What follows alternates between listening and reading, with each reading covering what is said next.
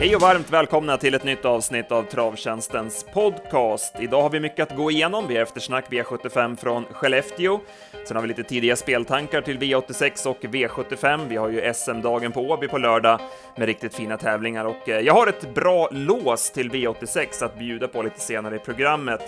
Dessutom ska vi prata lite kamerafilmningar och eh, dessutom lite grann kring Monté, så att, eh, häng med! Mitt namn är Andreas Henriksson, med mig har jag P.A. Johansson. Vi börjar väl med eftersnack V75 Skellefteå, va P.A.? Ja, vi får börja med det och vi börjar med en riktig kalldusch för eh, de allra flesta och så även för oss då. Loving You Deeply vann den första avdelningen. Hon stod stenhårt inne, har vunnit ett lopp på två säsonger men hon struntade blankt i det och sprang runt de här och var riktigt bra till 90 gånger och 0,30 vad det nu var, 5 procent på V75. Det kändes som ett lopp där de flesta garderade, men det var ändå ingen som fick med vinnaren, så det var, det var ett svårt lopp och det var en väldigt svårfunnen vinnare. Ja, det var det. Favorit, Eva Iho var ju klar favorit, men det var ju lite vingeläge och sen var hon inte så bra heller tyckte jag. Så att då vart det väldigt öppet och eh, nej, vi gick bet på Loving You Deeply och som, som de allra flesta andra. John Östman körde ju fram i dödens med Eva IH, men hon var ju inte bra och han var väl lite inne på att banan inte passade. Eh, nu hade man väl gjort ett ganska bra jobb ändå med banan med tanke på förutsättningarna, men det var ju ändå knepigt. Ja, det var det. Det var geggigt och så var det tydligen hårt under och så det var ingen, ingen lätt bana och det var många som ja, det var blandade prestationer men som du säger så var det nog ändå ganska bra bana efter förhållandena. Så Nobel Chedé var ju tvåa och det hade ju varit en bra vinnare för oss. Eh, Daniel Wäjersten körde ett bra lopp. Han valde ju invändigt lopp eh, strax efter start och sen kunde han komma ut på sista långsidan när det öppnade upp sig så att han fick rygg på Eva IH där och eh, sen såg det ju farligt ut. Men sen gick ju Malgomaj B ner där i sista sväng så att han fick ju inte kvar sitt spår där och fick ju gå ner på open stretch till slut. Så att Eh, ja, det var lite fel där i sista sväng, men det var en bra styrning och det var lite synd att inte hon kunde vinna loppet. Ja, precis. Hon var ju visserligen i förhållande till vinnaren mycket betrodd, men ändå bara 1,7 procent. Så att det hade ju smakat fågel om den hade vunnit första. Så är det Men nu gick det inte och det är ingen lek att vinna på Open Stretch på Skellefteå. Det var väl ingen under den här dagen som, som vann den vägen. Va? Så att, eh, nej, det är trångt och kort och svårt. Ja, Babys Baby var ju bara dålig och fick ju också startförbud. Var det något annat från det här loppet? Eh, det var väl inget speciellt. De gör väl vettiga... Olympia Gold gör ett ganska bra lopp från ett svårt utgångsläge. Men annars så var det väl inte så där. Lady Zappa satt fast, men det är väl kanske ingen merit i, i det här gänget. Så går vi till klass 2-försöket och eh, din vinnare PA Assault som du tog fram i podden förra veckan infriade förväntningarna och ja, han ser bara bättre och bättre ut. Ja, jäkla lunk i den där hästen. Det ser inte ut som han anstränger sig det minsta när han springer. Och, och jag hade 11 sista sex på honom och det såg ju helt ansträngningslöst. Det är skönt svar när Örjan tar norsken 300 kvar. Först tog han ju huvan 500 kvar. Då fick han lite i tömmarna. Sen tog han norsken 300 kvar. Då vart det tre längder direkt. Och sen joggade han bara undan. Så att, där har Daniel Wikberg gjort ett jättejobb på en eh, från början lovande häst som tappar lite stilen hos Svante Båth. Ministads El Paso är också bra för klassen. Han gick en rejäl långspurt som tvåa. Mm. Var det något i övrigt? Fullföljde ju väldigt bra också, trots att han var chanslös. My Gift Demy satt fast eh, bakom. Den kan vara värd att passa när han har spetsläge eh, nästa gång. Och i det här loppet så reagerar jag starkt och vi hade ju kontakt under lördagen på filmningen där på på bortre långsidan där man filmar framifrån. Man får ingen som helst uppfattning om hur det ser ut. Man kan få ja, uppfattningen att Salt är, nästan är slagen där va? Men, men sen när man ser det på den vanliga vinkeln så, så är det ju aldrig ens nära. Och man kan ju fråga sig några saker när det gäller det här. För vem filmar man det här? Och eh, har den gruppen som man nu väljer att filma det för, har de eh, så stort nöje av det så att det, det är bättre, alltså att det överväger att man irriterar spelare och travnördar som ändå är med och en av grupperna som finansierar travsporten. Men jag, jag tycker man måste tänka lite än att bara leka med, med bilderna. Mm. Ja, jag skriver under på det, absolut. Det måste ju vara att de på något vis vill få någon mer actionkänsla i loppet, men nej, det blir bara fel. Man får ju verkligen ingen feeling. Och samma sak när de filmar starten framifrån. Ja, Ju, man, man, får ingen känsla alls hur snabbt de öppnar från början. Så att... nej, nej, det var ju i sista var det lite den vinkeln då man trodde först att Clover of Lover skulle bli jätteöver som det såg ut. Men sen så var han ju ändå nära. Det var ju bara det att Archer Dream var så ruggigt snabb ut. Så att, eh, nej, det blir inget bra det heller. Jag tycker att man måste ta sig en funderare på det här i alla fall. Mm. Vi får hoppas att någon ansvarig i tv-produktionen lyssnar på det här och ser över det. Att man tar upp det i alla fall till diskussion, för att det är inget vidare alls. Nej, så är det.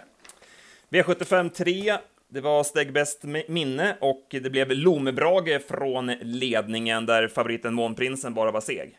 Ja, jag tycker precis, jag håller med dig. Lomebrage sattes aldrig på några prov, så han behövde aldrig visa om man har kämpaglöden kvar, utan eh, perfekt eh, disponerat lopp av Olsson. Han är ju makalöst vass att köra på klockan i spets, Ulf Olsson. Och 22,5 la han tempot på, och sen ökade han, så Lomebrage gick 20 sista åtta och gick undan bekvämt. Jag är ju lite inne på att loppet avgörs från start när eh, Oskar J. Andersson och Odin Tabak eh, släpper någon längd till myrfaxen så att Art Charvald kan komma ner i tredje in från början.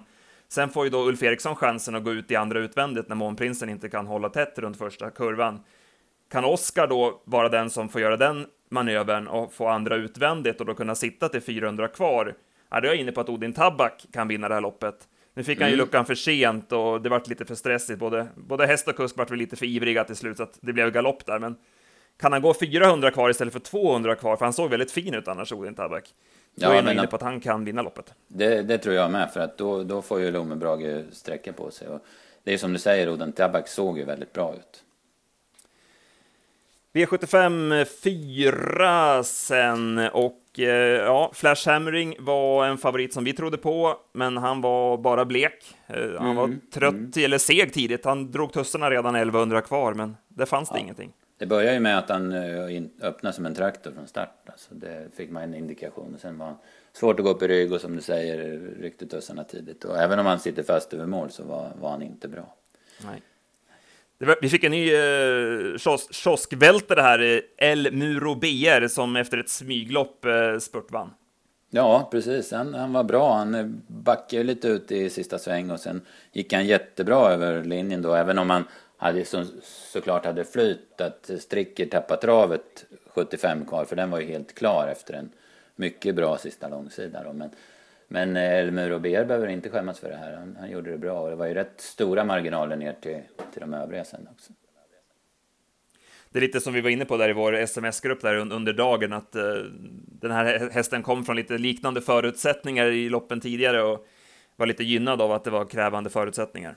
Så var det nog. Han har ju startat på, på Bode och Harsta och sådär. Det kanske inte är de allra bästa banorna så att han vart inte överraskad av att det var som det var då.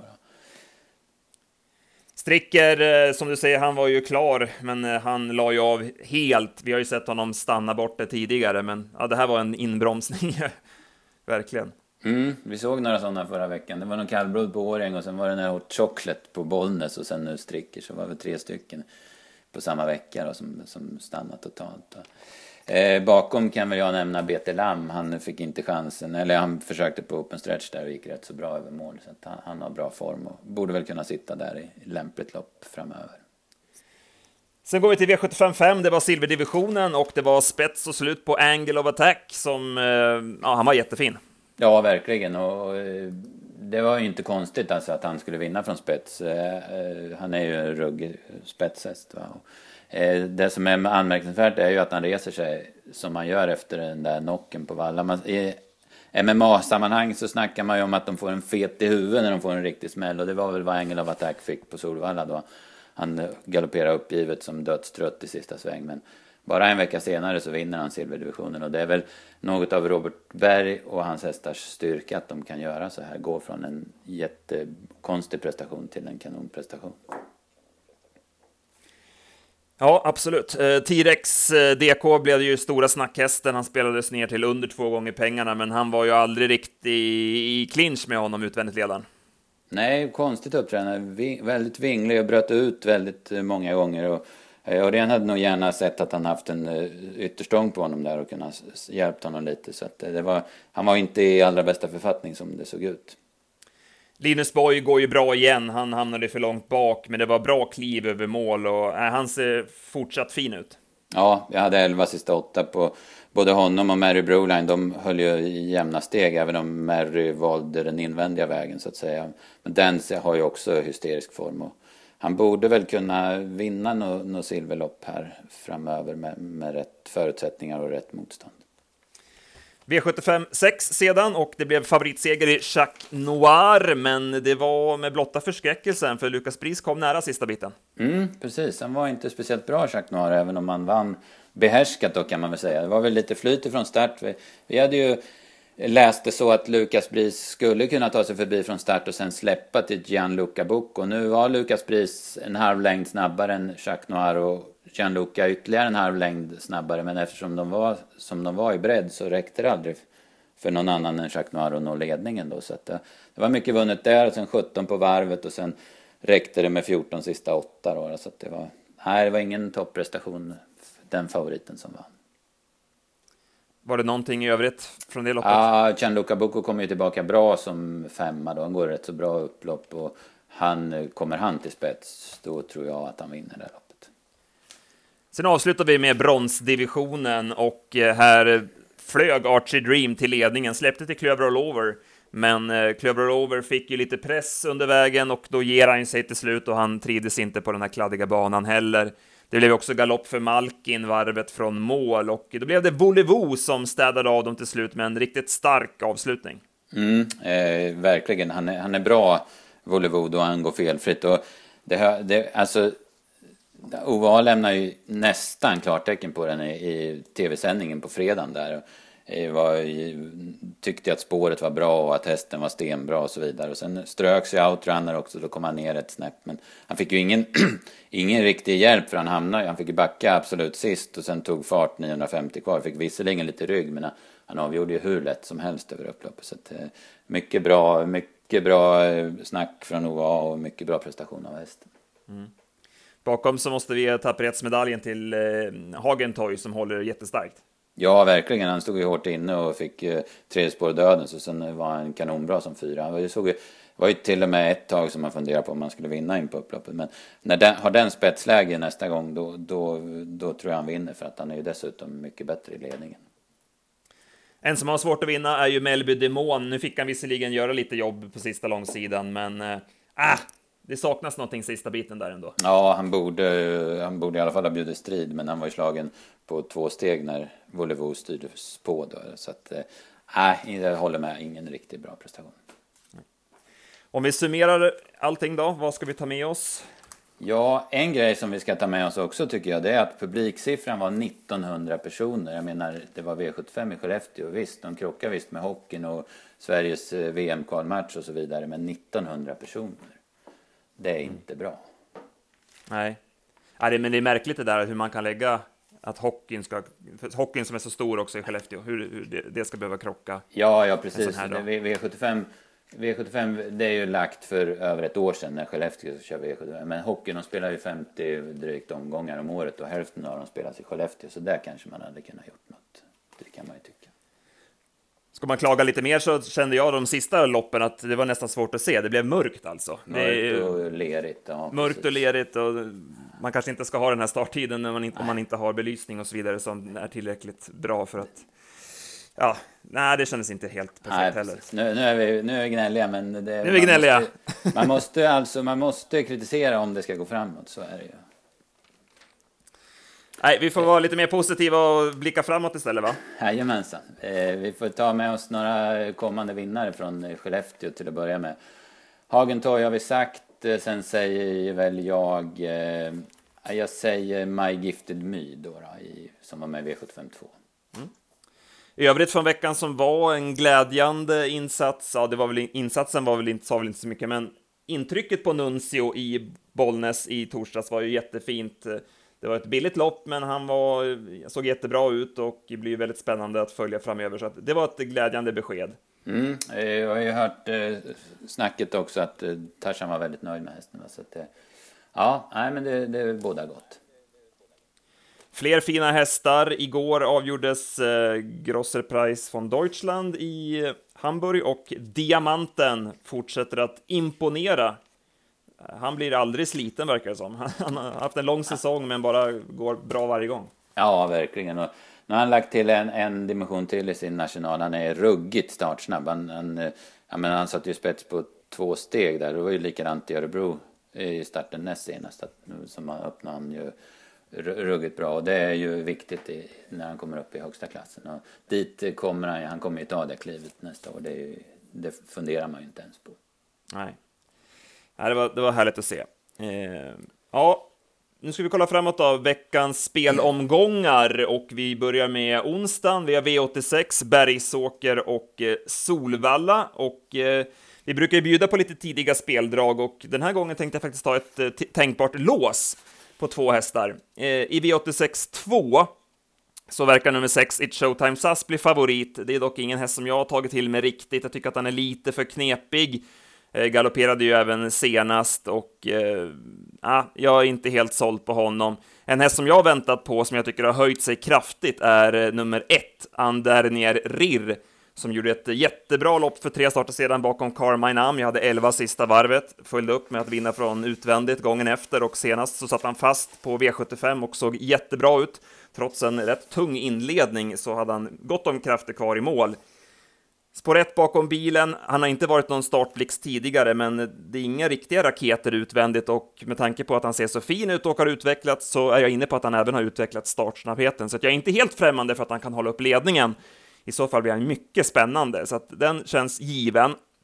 Och sen en häst som jag brukar tjata om i podden är ju nummer 12, Perfect King, som eh, gjorde ett bra lopp senast. Han fick lägga en speed för ledningen mitt i loppet, kom i mål på 13,4 full väg.